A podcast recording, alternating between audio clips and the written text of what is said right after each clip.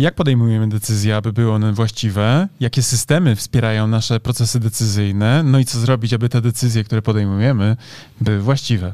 Dokładnie tak. I o tym będziemy rozmawiać w dzisiejszym odcinku naszego podcastu Wyższy Poziom Marketingu. A to jest Karolina Łodyga. A to Mariusz Łodyga. Bądźcie z nami, bo to jest wasz ulubiony podcast, a my już za chwilę słyszymy się po drugiej stronie. Do usłyszenia za moment. Cześć.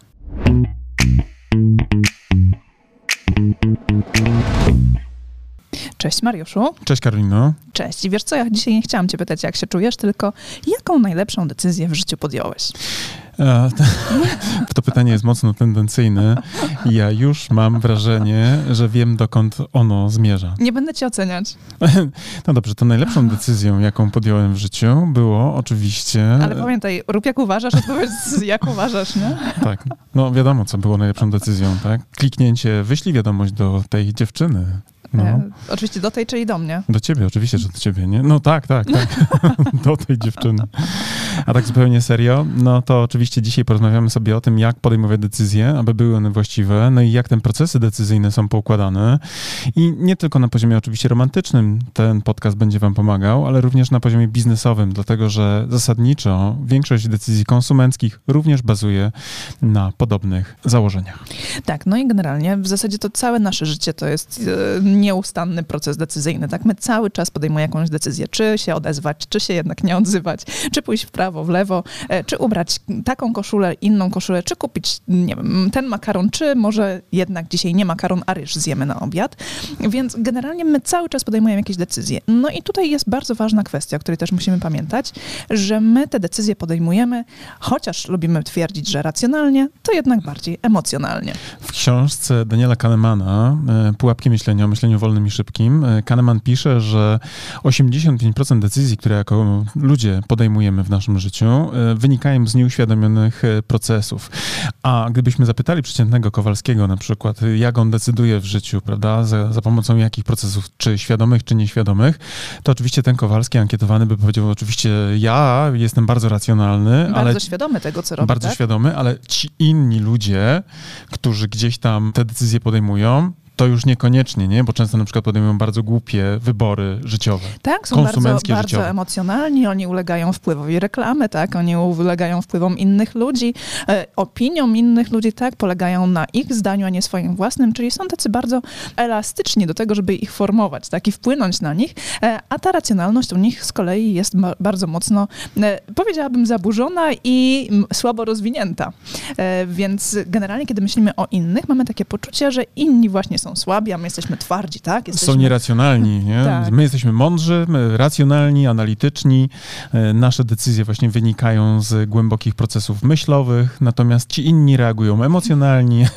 tak. tak, można nimi sterować, manipulować dowolnie, ale my z kolei, prawda, jesteśmy bardzo odporni, ponieważ właśnie mamy te procesy analityczne na bardzo wysok- wysokim poziomie. No i tutaj właśnie ten Kahneman bardzo mocno uderza w ten cały światopogląd. Co więcej, jeszcze tutaj na poparcie tej tezy mam wyniki badania od Instytutu Maxa Plancka, z którego to badania dowiadujemy się, że aż 95% w ogóle decyzji, które podejmujemy, wynikają właśnie z tych e, nieświadomych procesów, prawda? Aż 95%. I tutaj możemy sobie zadać pytanie, czy to źródło jest wiarygodne? No myślę, że tak, ponieważ aż 17 bodajże nagród Nobla Instytut Maxa Plancka e, uzyskał, tak, e, na bazie badań, które prowadzili i tego, dokąd to naukę... Więc chyba można wierzyć w to, co Chyba mówią. można przyjąć, że to jest wiarygodne źródło wiedzy, prawda? Ale ja jeszcze mam pytanie do ciebie, zanim przejdziemy dalej, Karolina. Czy to, że jesteśmy tacy emocjonalni i dużo takich rzeczy jest właśnie wynikających z tych nieświadomych procesów, tak? Często będących reakcją na przykład na jakieś bodźce, które no właśnie nieświadomy, cała podświadomość przetwarza. Czy to tak do końca źle? Cóż, gdybyśmy nie mieli tego bogatego życia emocjonalnego i tego podejścia emocjonalnego do całego naszego funkcjonowania, to miałabym poczucie, że po świecie chodzą same roboty i maszyny. No, wiesz, to jest raz, a dwa, że mam wrażenie też, że jeszcze w tym wszystkim nasze decyzje wcale nie byłyby takie dobre. No bo znowu też przyjęło się, że e, wszystko, co emocjonalne, co nieświadome, to jest takie właśnie nieprzekminione, nieracjonalne, nieoświeceniowe, można by powiedzieć, nie? No i też niestety często ludzie mówią, że słabsze i gorsze. Nie wiadomo dlaczego. No właśnie, a ja kiedyś doszedłem do takiego przewrotnego wniosku, który można mniej więcej sprowadzić do tego, że jeżeli moje emocje nie wspierają racjonalnej analityki, albo kłócą się z racjonalnym wyborem jakimś, to być może w długim horyzoncie czasowym okaże się, że racjonalny wybór wcale nie był ten lepszy. I już wam tłumaczę, o co mi chodzi. Kiedyś chciałem dokonać bardzo racjonalnego wyboru, czyli zrobić coś, co będzie właśnie przemyślane, co będzie sensowne i bardzo racjonalne. No i zdecydowałem się na wybór samochodu, którego kolor właśnie był dla mnie racjonalnym kolorem. To był tak zwany beż pustyni. już wam tłumaczę dlaczego i co to znaczy beż pustyni na palecie kolorystycznej. Otóż beż pustyni to nic innego jak auto y, pomalowane w kolorze piachu. I jakby... Pustynnego. Pustynnego piachu. Ale kropek nie połączyłeś, że u nas nie ma pustynnego piachu. Y, to znaczy, wiesz, to było bardzo proste. Bardzo szybko doszedłem do wniosku, że mając nadzieję, że nie będę musiał co chwilę na przykład z czarnego lakieru, wiesz, zmywać kurzu, tak, mhm. to kupię samochód, na którym nie będzie tak ten kurz widoczny. No ale potem właśnie okazało się, że nawet umyty samochód wygląda jak byłby cały zakurzony, nie?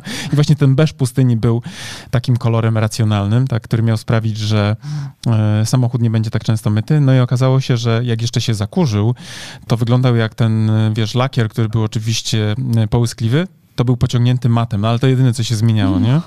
Więc generalnie racjonalna decyzja o tym, żeby kupić coś, co nie będzie się brudziło, co będzie dobrze znosiło na przykład właśnie brudną, e, wiesz, nawierzchnię, po której jeździ auto, a potem w praktyce okazuje się, że oczywiście ta racjonalna sfera podejmowania decyzji okazała się kompletnie nietrafiona, tak? I emocje później oczywiście sprawiły, że ten samochód po czterech czy sześciu miesiącach e, sprzedałem, bo po prostu nie byłem w stanie znieść emocji, które wywoływało to patrzenie na non-stop brudne auto. Czujesz tak, to? Ale Czu, czujesz to? Czuję, czuję i nawet to widzę przed oczami, tak. więc e, czuję też to, jak ty mogłeś się wtedy czuć, także e, naprawdę wszystko doskonale rozumiem, jak to musiało cię drażnić i denerwować ten, ten brudny samochód non-stop. E, ale o tym, czy właśnie podejmowane decyzje tylko w oparciu o racjonalność, czy też o emocjonalność, jak one w ogóle wpływają na nasze życie i czy da się je w ten sposób podejmować i do czego one prowadzą, to my jeszcze chyba porozmawiamy później. Dobra. Najpierw może wytłumaczmy w ogóle, jak przebiega cały proces podejmowania decyzji, tak? No bo Super. jest jeszcze taki proces, on ma też swoją nazwę, zaraz też o tym powiemy. I on się składa z trzech takich kroków bardzo, bardzo istotnych. Najpierw jest e, tak zwany afekt, to jest ten moment, w którym nasze mózgi podejmują bardzo szybką kalkulację, czy mają działać. I tutaj właśnie szybko podejmują decyzję, czy mają działać tak, żeby zdobyć jakąś nagrodę, coś uzyskać, czy też tak, aby uniknąć kary, tak? Czyli na przykład rzucić kostką jeszcze raz i potroić wygraną, czy zakończyć grę i odejść od stolika z tym, co już wygraliśmy. Tak, czyli na przykład siedzimy w kasynie i teraz zastanawiamy się, kurczę, na stole leży 5 e, tysięcy złotych, czy jeszcze raz e, próbujemy potroić naszą wygraną, czy może jednak już zatrzymujemy i idziemy do domu. E, ja mogę od siebie powiedzieć, że ja byłem kiedyś w kasynie i próbowałem też racjonalnie podejść do wydawania, bo wiedziałem, że w, zasadniczo w kasynie zwycięzca jest tylko jeden i jest to kasyno zazwyczaj, prawda? Właściwie mhm. według legendy oczywiście nie można pobić systemu, jakim jest to, co kasyno przygotowało i wchodząc do kasyna, jak podróżowałem po Stanach Zjednoczonych, między innymi w Las Vegas, to miałem przygotowane za, zawsze 5 dolarów. Wiedziałem, że jakby nie było, tak, to po 5 dolarach od tego stolika odchodzę. Więcej nie możesz stracić. Tak. Nawet jakby moje emocje mówiły, hej, hej, to jeszcze, jeszcze się, piątka, jeszcze się odegrasz, piątka, jeszcze tak, się odegrasz, tak, nie? Tak, to przecież kolejne, że to nawet wygrasz, nie? Tak, Widzisz? tak. Natomiast Co? oczywiście jest mnóstwo przykładów, tak, gdzie ludzie na przykład przegrywają całe domy, całe majątki życiowe. I to nie tylko w kasynie, tylko na przykład na giełdzie, tak? Na giełdzie, tak. Mhm. Teraz myślę, że wiele osób myśli sobie, że to jest dobry czas na spekulacje, tak, bo na przykład, nie wiem, są jakieś przeceny wynikające z sytuacji politycznej, to być może właśnie się okaże, nie? że będą kupować tak zwane spadające noże. Nie? Wiecie, próba łapania jest taka metafora w branży maklerskiej mówiąca o tym, że jeżeli kupujesz na spadkach, to być może właśnie będziesz próbował łapać e, spadający nóż, a jak wiadomo, spadający nóż ma ostre ostrze i może nam te paluszki po prostu poodcinać. Tak, tak, tak. No więc właśnie, po pierwsze mamy ten moment, ten afekt, czyli nasz mózg kalkuluje, czy zdobyć nagrodę, tak, czy też może tak działać, żeby uniknąć straty. No i następuje moment na taką walkę między emocjami a racjonalnymi aspektami naszego mózgu. I ten etap to nazywa się chyba integracja tak. emocji i faktów, prawda? Dobrze tak, mówię? Tak, dokładnie tak. No i w tym momencie nasze mózgi po prostu rozpoczynają taką analizę naszych doświadczeń mm, i też wiedzy na dany temat, tak, czyli naszego doświadczenia doświadczenia z poprzednich gier, na przykład w kasynie czy na, na giełdzie e, i naszej wiedzy, jakie mamy na przykład szanse na to, żeby wygrać, tak? W ogóle jakie jest prawdopodobieństwo, że wypadnie dany numer na kościach czy w ruletce, e, czy też jakie jest prawdopodobieństwo, że w tym momencie ta firma, w którą chcemy zainwestować na giełdzie, ta spółka, raptem odniesie jakiś super sukces, tak? Mamy znajomego klienta, który w tej chwili jest na etapie chyba właśnie tej sytuacji, e, łapania noży, bo mhm. ma ogromne problemy z tym, żeby pospinać się finansowo. Tam generalnie rzecz biorąc dużo procesów mu się wysypało i jednymi pożyczkami ratuje y, sytuację w innych fragmentach, nie? Czyli generalnie rzecz biorąc od jednych pożycza, żeby spłacić drugich, ale cały czas jeszcze komunikuje, że u niego jest wszystko świetnie, bo jeszcze jeden tylko aspekt na przykład uda mu się zrealizować i on się już wtedy na pewno odkuje. My tu oczywiście patrząc z boku, mając duży dystans, mamy duże wątpliwości. Oczywiście trzymamy kciuki, wiadomo, nie, za mhm. tego hustlera, ale z drugiej strony, no właśnie bardzo nam to przypomina taki proces, w którym ta integracja emocji i faktów na razie nie wygrywa w kontekście na przykład racjonalizacji tego procesu i powiedzenia sobie, ok, enough is enough. E, Trzeba wstać od stolika, nie? Tak, tak, tak. No i właśnie tutaj te, ten ping-pong między emocjami a tymi racjonalnymi aspektami przez chwilę trwa, tak? I próbuje e, nasz mózg tymi racjonalnymi elementami potwierdzić ten swój emocjonalny wybór, tak? Czyli w tym kroku nasz mózg poszukuje potwierdzeń racjonalnych na nasze emocjonalne podejście do tematu. Czyli ten Ma Mariusza wybór samochodu w kolorze e, pustynnego beżu, tak? Jest, są emocje w nim, dobra, kupię takie, będę miał spokój i teraz szukamy racjonalnych argumentów. No tak, faktycznie nie będę musiał tak często myć, nie będzie widać tego kurzu, tak? To jest bardzo racjonalne też podejście tak, do tak, tego. Tak, oczywiście. E, I w tym momencie, kiedy nasz mózg i te aspekty emocjonalne i racjonalne się spasują, dochodzi do e, etapu, w którym jest tak zwana motywacja, czyli czas na ruch, tak? Dokonujemy po prostu już konkretnego działania. Idę do salonu i mówię, dej pan tą, tą furę w tym kolorze piochu. Tak, dokładnie tak. E, no i ten cały model, o którym właśnie powiedzieliśmy, czyli afekt, integracja, motywacja, on w skrócie nazywa się modelem AIM, tak? O, od pierwszych liter e, tych określeń. Jakie są słabe w ogóle strony może, Karolina, tego procesu? Powiedz mi, bo e, ty masz to dobrze przeanalizowane i wydaje mi się, że byłoby fajnie, gdyby też nasi słuchacze wiedzieli, jak to wygląda. Tak, no po pierwsze, słabą stroną tego procesu jest to, że jest coś takiego w psychologii jak lęk, lęk przed stratą, tak? Czyli generalnie my się bardzo boimy tego, że możemy cokolwiek stracić, tak? Jeżeli mamy stracić to, co już mamy w swojej własnej kieszeni, mm, to jest to dla nas bardzo takie spowalniające i hamujące, e, a z drugiej strony my też lubimy zyskiwać, tak? I tutaj jest w drugą stronę stron działające też taka prawidłowość, że potencjalny zysk, który jest przed nami, musi dwukrotnie przewyższać oczekiwaną stratę, by zachęcić nas do tego, e, do podjęcia tego ryzyka. To jest świetny w ogóle case, bo ja kiedyś pokazywałem, jak na przykład wykorzystywać te mechanizmy do takich bardzo już taktycznych zastosowań w marketingu, czyli na przykład używając tytułów e, marketingowych e, newsletterów, prawda? I pamiętam, jak kiedyś nam świetnie sperformował jeden tytuł mailingu, który nawet na szkolenie trafił jako screen pokazujący tą właśnie technikę. Tam bodajże było, jak firmy tracą klientów, nie? Mhm. Jako tytuł naszego newslettera versus y, jak zyskiwać klientów, prawda? jako inny, tak, tak, tak, inny tak, tytuł jakby w tym samym kontekście. To okazało się, że ten jak firmy tracą klientów oczywiście miał dwa razy większy open rate i potem y, nawet dwu, trzykrotnie wyższe CTR niż ten, który mówił w języku korzyści, prawda? No bo oczywiście znowu bardziej boimy się, że... Że coś stracimy, co już tak, mamy, tak? Niż cieszymy z tego, co możemy zyskać, nie? Tak. Nawet jak potencjalnie... Bardziej się boimy, że stracimy tak. 5 zł, niż że możemy zyskać 10. 10, tak? Tak, tak, tak. E, jeżeli tu już jest e, właśnie potencjalna e, szansa, że zyskamy więcej niż 10 zł, to już zaczynamy powoli być skłonni do to tego, może być, a, to jedźmy, nie? Tak. Jedźmy z tematem. Pewnie dlatego kasyny tak wygrywają, nie? Bo mają cały czas w głowach telewary. Tak, i tam ta potencjalna wygrana jest zdecydowanie wyższa. Tak? Często tak, jest multiplikowana, tak, nie? Tak, Razy tak, 10 na przykład, nie? Postawisz 100 dolarów i wyjdziesz na przykład z tysiącem, mhm. jeśli tylko na przykład coś tam, coś tam. Tak, tak. tak I stąd pewnie też jest właśnie to, to ryzyko wpadania bardzo głęboko w problemy. I też ten przykład tego biznesu, o którym tu mówiłem, tego znajomego klienta, który teraz tak się zmaga z tą koniunkturą swoją własną, e, to właśnie jest ten problem, ponieważ on traci y, w jego mniemaniu niewielkie kwoty, typu tam, nie wiem, dziesiątki, setki tysięcy złotych, ale on cały czas ma mindset człowieka, który jeśli mu to wypali, to zarobi miliony. Tak, trzymając się tego case'u, o którym mówisz, to taki człowiek ma doświadczenie z poprzednich biznesów, które mu wypaliły, więc wie, że jest szansa Tak, zna, to, zna to. Nie? Tak, to, nie, to nie jest szalenie, żeby nie było, to nie jest szalenie. Tak, to nie jest człowiek... jego pierwszy biznes, tak? I on po prostu wie, że generalnie trzeba tylko trafić na odpowiedni moment, odpowiednio to rozkręcić. Złapać momentu, Tak, tak, tak. I pójdzie wszystko i będzie super ekstra, bo już to wcześniej zrobił. Z drugiej strony jest zawsze Ale tak. od tej pięknej reguły mogą być jakieś wyjątki, typu na przykład, nie wiem, kryzys gospodarczy albo jakaś inna sytuacja, która no, diametralnie zmieni strukturę rynku, na którym się działa. I tu może się oczywiście wysypać, więc to nigdy nie jest tak proste i taki prosty algorytm pewnie nie jest rekomendowany. Tak.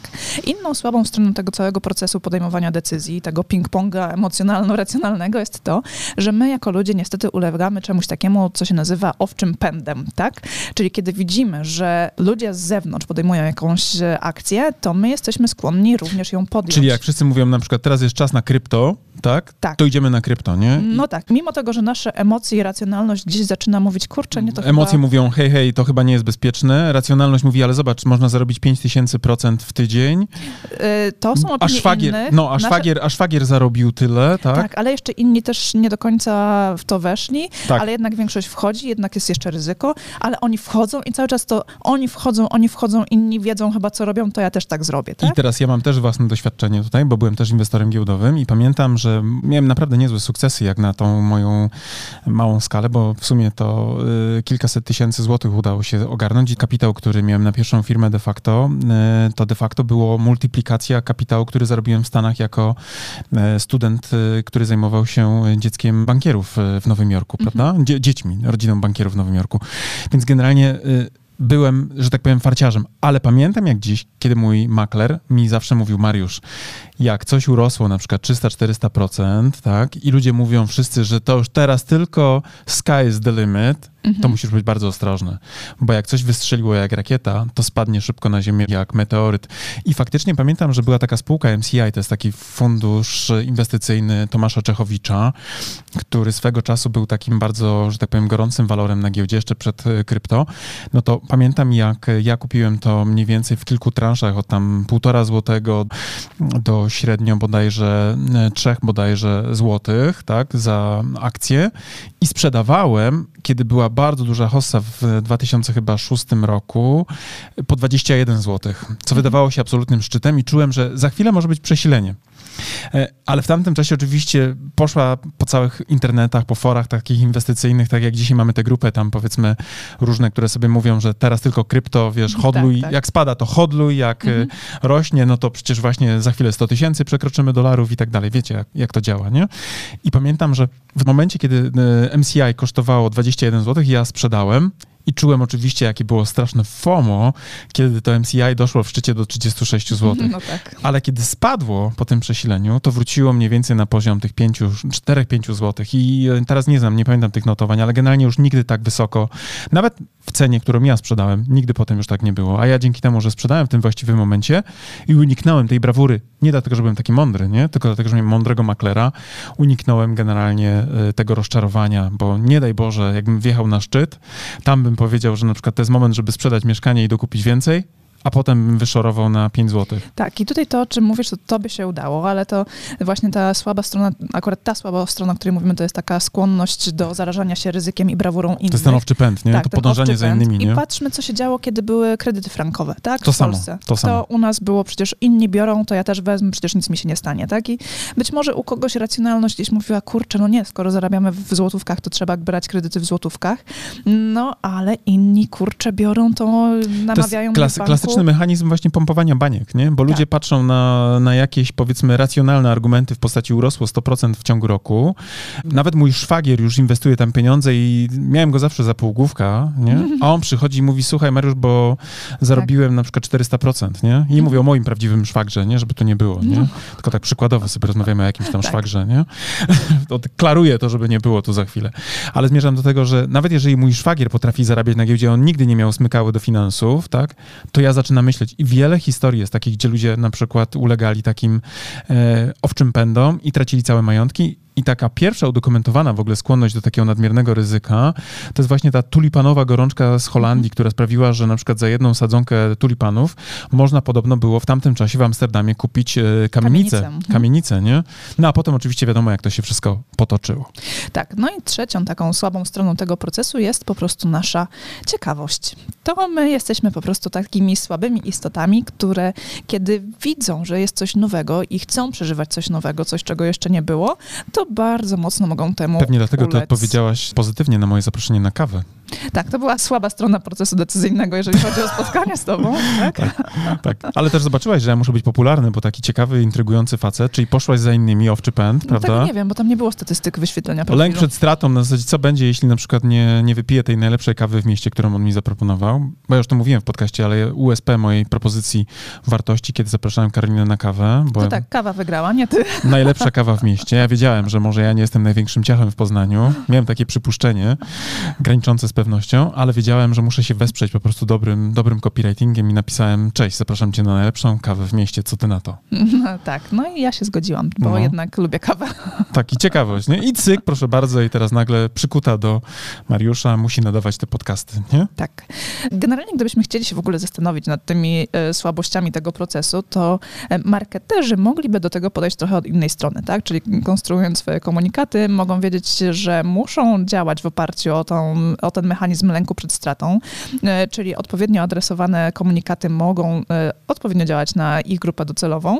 E, Może być też tak, że jeżeli posługujemy się opiniami innych osób i pokazujemy na przykład To możemy twarde wprawić... dane, że już 5 tysięcy osób skorzystało z naszej oferty, dlaczego jeszcze ty nie skorzystałeś? Tak, czyli tutaj Cialdini, nie? Społeczny Tak. dowód słuszności wtedy działa bardzo mocno, prawda? Bo to jest klasyka, nie? Jeżeli chcesz wzmóc ten pęd na przykład na zakup twoich na przykład, nie wiem, produktów, no to pokaż już, jak to działa, nie?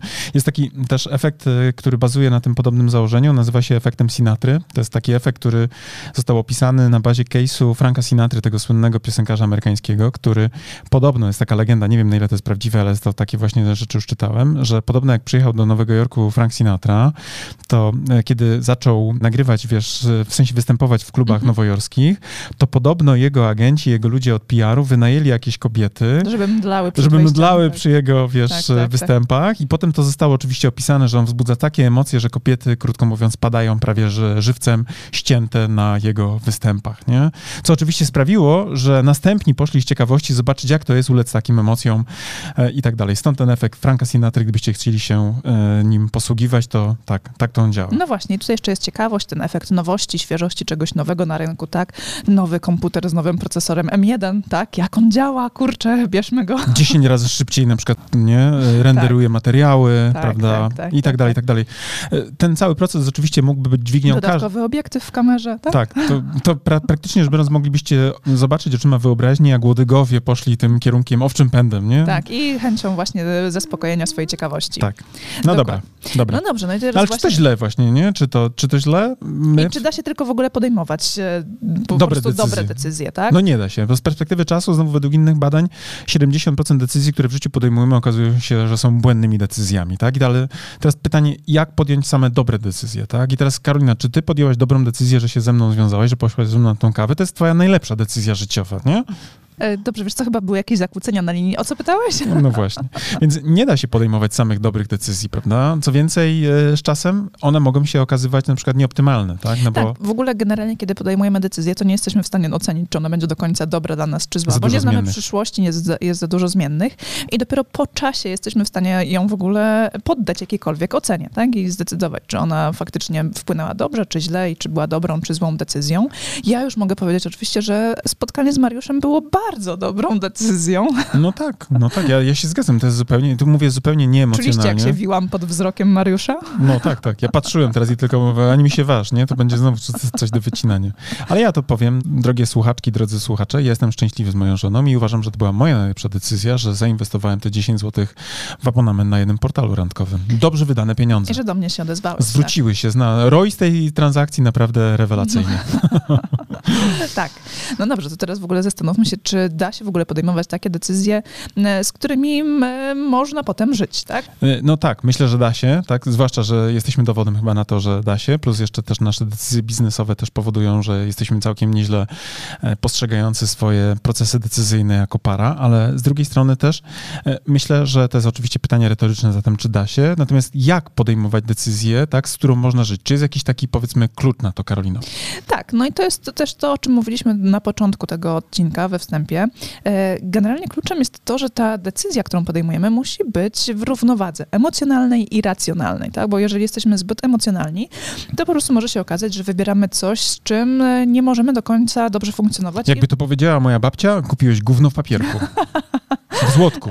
w złotku za grube pieniądze. Za grube pieniądze, nie? Tak, albo na przykład wybieramy sukienkę, która emocjonalnie nam się fantastycznie bardzo podoba, bo e, nie wiem, inni tacy, taką mają, albo jest super ekstra znanej marki, albo w ogóle jest e, świetnie wygląda na wieszaku. Na nas nie do końca dobrze, ale to jest tej marki za takie pieniądze, w ogóle ten kolor i ja ją chcę. My a potem jak... wracamy do domu i kurczę, no ani jej nie nosimy, wisi 5 lat w szafie, tak? tak? Nic się z tym nie dzieje i de facto tracimy pieniądze, które wydaliśmy na tą. My w naszym kursie ABC Strategii Marki bardzo często w ogóle mówimy o tym, że każda marka musi oferować korzyści na poziomie tym racjonalnym, prawda, ale też i emocjonalnym. Właśnie dlatego, żeby dać poczucie konsumentowi, który kupuje dany produkt, daną usługę od danego brandu, e, właśnie miał poczucie dobrego balansu, tak, że nie kupuje tylko racjonalnie tego samochodu w kolorze piochu, żeby nie było widać brudu, ale że kupuje na przykład samochód, dzięki któremu on na przykład jest co? Również, e, nie wiem, realizujący swoje aspiracje i na przykład imponuje sąsiadom tym, że ma progres życiowy, prawda? Czyli liczy się również nie tylko na przykład, nie wiem, ekonomika, liczy się nie tylko parametr taki techniczny, tak, związany na przykład, nie wiem, z ilością koni albo, nie wiem, momentem obrotowym, ale również liczy się to, jak na przykład dana karoseria do nas przemawia, jaki jest design, tak, jaka jest kwestia wykończenia na przykład danego, danego pojazdu. I tak samo przenosząc to na wszystko inne z poziomu innych produktów i usług, które robicie. Zatem, tak, a z no. kolei jeżeli jesteśmy właśnie zbyt racjonalni, to o czym też powiedział Mariusz, to decyzje, które podejmujemy mogą być właśnie e, w teorii obiektywnie najrozsądniejsze, tak, no bo w kalkulacjach, specyfikacjach, w Excelu wychodzi na to, że racjonalnie najlepiej jest podjąć decyzję zakupową taką, a nie inną, ale potem się okazuje, że do tego, co kupiliśmy, nie mamy kompletnie serca. Tak jest i, I to jest właśnie to. I nasze emocje nie stykają i nie chcemy z tego korzystać, tak, bo właśnie ten piach na karoserii, w sensie karoserii. Dobry samochód piachu. sprzedajesz ze stratą tylko dlatego i teraz weź to sobie wytłumacz, nie? Na zasadzie A potem emocjonalnie po prostu zaczynacie e, telepać w potylicę, tak? Za każdym razem jak wsiadasz do samochodu, to tak jakbyś miał się zwymiotować, nie? Na zasadzie... I po prostu twoje emocje nie grają z e, twoim e, wyborem, który podjąłeś i zaczynasz po prostu w pewnym momencie dochodzić do tego, kurczę, trzeba to sprzedać. I, I okazuje patrzysz... się, że znowu, znowu tracisz, tak? I jeszcze patrzysz w tym wszystkim na to, czy przypadkiem sąsiedzi yy nie widzą, że wsiadasz ty do tego samochodu. Nie? Tak, tak, tak, tak, oczywiście mówimy o branży automotive, bo wszyscy wiedzą, jak samochody wyglądają i znamy te wszystkie niuanse i triki, które e, marki e, automobilowe wykorzystują, ale myślę, że to również jest do aplikowania na każdych innych e, produktach. Więc pamiętajmy o tym, że jako marketerzy musimy równoważyć te korzyści, które marki oferują, tak? Musimy być również właśnie racjonalni, ale też nie, nie, nie zapominać o emocjach, tak? Bo ludzie mają też, tak jak mówiliśmy, przewagę e, takiego funkcjonowania z powodu nieuświadomionych różnych procesów, a z drugiej strony też pamiętajmy o tym, że kiedy właśnie my jako konsumenci z kolei jesteśmy zbyt racjonalni, to możemy po prostu stracić serce do wyborów, które podjęliśmy i de facto stracić na tym również bardzo racjonalne rzeczy, takie na przykład, które można wyrazić za pomocą e, liczby e, zer w portfelu, nie? Dokładnie, więc generalnie, niezależnie od tego, czy jesteście właśnie po tej stronie bardziej emocjonalnej, czy też bardziej racjonalnej, to niestety w dużej mierze za każdym razem e, tracicie pieniądze. Ja bym powiedział, że wszyscy jesteśmy bardziej po emocjonalnej stronie i to w tych proporcjach, o których mówił Kahneman i Instytut Maxa Plancka, tak w tej, tej takiej nieuświad- nie, tak, nieświadomej, tak, nie? Mi chodziło o to, że jeżeli nasze decyzje są tylko i wyłącznie bardziej emocjonalne, e, w, oparte w zasadzie w większości na tych emocjach i ta racjonalność w ogóle nie jest dopuszczona do głosu, albo w sytuacjach, kiedy jesteśmy właśnie zbyt racjonalni, to de facto za każdym razem tracimy, bo właśnie albo właśnie jest coś emocjonalne, a tego nie wykorzystujemy, leży na półce i się kurzy, bo mieliśmy przypływ jakiegoś szaleńczego napadu, kupię coś i potem tego w ogóle nie wykorzystuję, bo to było emocjonalne totalnie, mhm. albo właśnie z drugiej strony jest coś bardzo racjonalne, ale nasze serce nie gra z tym wyborem i też na przykład tego nie wykorzystujemy do końca, bo nie możemy, po prostu nie możemy na to patrzeć, tak? E, rozumiem, De rozumiem, facto i tak, ta, tak czy siak tracimy nasze pieniądze na zakupy, które na przykład nie są nam kompletnie potrzebne. No i teraz a propos, gdybyście chcieli sprawić, że wasze działania konsumenckie, tak, z poziomu marki będą bardziej zaadresowane, to oczywiście mamy dla was prostą receptę, mianowicie nasz kurs ABC Strategii Marki, do którego wzięcia udziału zachęcamy. Pamiętajcie, macie 15% rabatu na hasło tak, podcast. to jest bardzo racjonalne. Bardzo racjonalne, tak, informacja. Z drugiej strony będziecie naprawdę czuli się dobrze zaopiekowani pod kątem wiedzy strategicznej, bo bo tam jest naprawdę dużo, dużo mięsa, prawda? Dokładnie tak. Także jeżeli jesteście klientami, to pamiętajcie, aby dopuszczać i emocje, i racjonalność do głosu. Bo to, że macie emocje na procesie zakupowym uruchomione wcale nie znaczy, że jesteście takimi że jesteście, ignorantami. Tak, ani, że jesteście słabi. Tak, to jest właściwe, bo emocje często są bardzo mocno wspierane tą całą intuicją, która wynika z sumy doświadczeń, które zbudowaliśmy na przykład w swoim długim życiu. A z drugiej strony też pamiętajmy o tym, że nie da się tylko i wyłącznie pracować na emocjach, w sensie na schemacie poznawczym, który bardzo mocno wysila nasz mózg poznawczo, bo nie jesteśmy do tego biologicznie przystosowani, ale o tym dokładnie opowiemy w następnym podcaście. Także do usłyszenia w kolejnym odcinku. Już teraz trzymamy za Was kciuki, żeby te właśnie Wasze emocje i racjonalność były w równowadze. Tak jest. Bądźcie z nami. To była Karolina Łodyga i Mariusz Łodyga. A to był Wasz ulubiony, jak zwykle, mówię o tym, wyższy poziom marketingu. Tak, do usłyszenia. Cześć. Cześć. Thank you. No dobra, to na tyle w dzisiejszym odcinku wyższego poziomu marketingu. A teraz pozwólcie, drodzy słuchacze, że powiemy Wam, dlaczego warto pójść na następny poziom, czyli skorzystać z naszego kursu ABC Strategii Marki. Tak, bo jak wiecie, to po pierwsze macie już do niego kod rabatowy 15%, a po drugie ten kurs i wiedza z niego pozwoli Wam wejść na wyższy poziom marketingu z Waszą marką i dzięki niemu opracować strategię dla Waszej marki. I to jest oczywista oczywistość, prawda? Tego byśmy nawet nie musieli mówić, gdyż już na pewno wiecie. Natomiast to, co nie jest pewnie dla Was jasne, to to, z jakich elementów składa się ten kurs, prawda? Pierwszy taki, najważniejszy, od którego zawsze wychodzimy, który, uwaga, jest najmniej pewnie spektakularny, no bo wiąże się przede wszystkim z tą robotą w okopach, czyli analizą, prawda? To jest ten pierwszy obszar, który jest naprawdę niezwykle istotny. Dzięki naszemu kursowi APC Strategii Marki będziecie wiedzieli, jak zrobić badanie marketingowe, które pozwoli Wam określić to, co nazywamy fachowo consumer insightem, czyli insightem konsumenckim, albo inaczej mówiąc po polsku, po prostu tak jak należy, patriotycznie, co jest potrzebą konsumenta. Tak, ale też e, ten kurs pozwoli Wam przejść do drugiego etapu, czyli etapu strategicznego i opracować strategię Waszej marki, czyli znaleźć też unikalne pozycjonowanie dla Waszej marki. No oczywiście, jak to zrobić, dowiecie się z kursu, natomiast zaręczam Wam, że ta wiedza, która jest w tym kursie przedstawiona, zdecydowanej większości z Was pozwoli naprawdę zdystansować się od Waszych konkurentów i po prostu zwyczajnie zarabiać więcej. A skoro już będziecie wiedzieli, jakie macie unikalne pozycjonowanie przyjąć dla Waszej marki, to też z, z naszym kursem kursem dowiecie się, w jaki sposób docierać do Waszych odbiorców, by w ich umysłach zbudować właśnie to odpowiednie pozycjonowanie. Będziecie wiedzieli, jak tworzyć wizerunek waszej marki, będziecie wiedzieli również, jak mierzyć postępy, a to wszystko, o czym teraz mówię, tak naprawdę zawiera się w tej części, którą my jako strategzy nazywamy strategią komunikacji marki. Także ten nasz kurs, jako jedyny chyba na rynku w Polsce, bo ja nie spotkałem jeszcze tak kompleksowego podejścia, pozwoli wam nie tylko mówić o tym, co komunikować, ale również dlaczego komunikować i do kogo, co pewnie jest najważniejsze. Oraz gdzie komunikować. Tak, i jak mierzyć oczywiście wszystkie aspekty i nie tylko te performance'owe typu kliknięcie kliknięcia w link, ale również to, co mają w umysłach i w głowach i w sercach wasi klienci.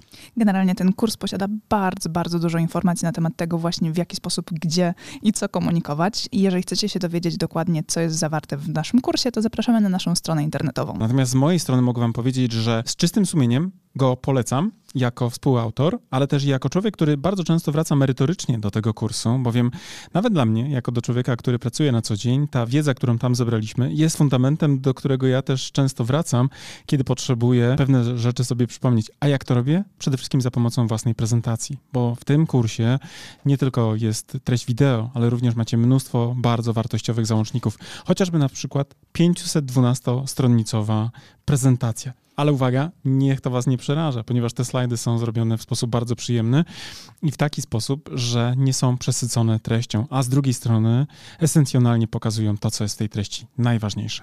Tak, a z tego praktycznego punktu widzenia w kursie macie również załączniki takie dodatkowe do pracy własnej, e, z którymi możecie opracować własną strategię. Jest szablon opracowania strategii marketingowej, ale też jest przykładowa strategia naszej marki.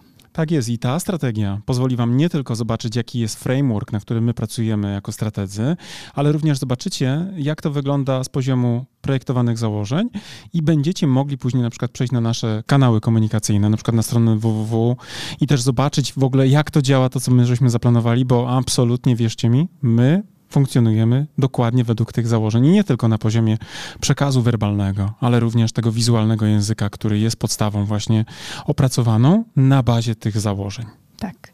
Zatem, jeżeli chcecie dołączyć do naszego kursu, zapraszamy na naszą stronę internetową. Jeżeli jeszcze nie jesteście pewni, również zapraszamy na naszą stronę internetową, by dowiedzieć się więcej. Bo być może my was nie przekonujemy jako autorzy, bo pewnie jesteśmy trochę nieobiektywni, ale jeżeli potrzebujecie jakiegoś dodatkowego głosu, to posłuchajcie i też poczytajcie opinii ludzi, którzy wzięli w tym kursie udział, bo myślę, że oni są faktycznie najważniejsi jako prawdziwi, z krwi i kości uczestnicy. A z mojej strony też powiem, że ten kurs jako narzędzie takie merytoryczne merytoryczny naprawdę pozwoli Wam wprowadzić Wasze marki na wyższe poziomy marketingu. To Wam gwarantuję już teraz. Trzymamy za Was kciuki. Do zobaczenia. Cześć. Do zobaczenia w kursie. Cześć.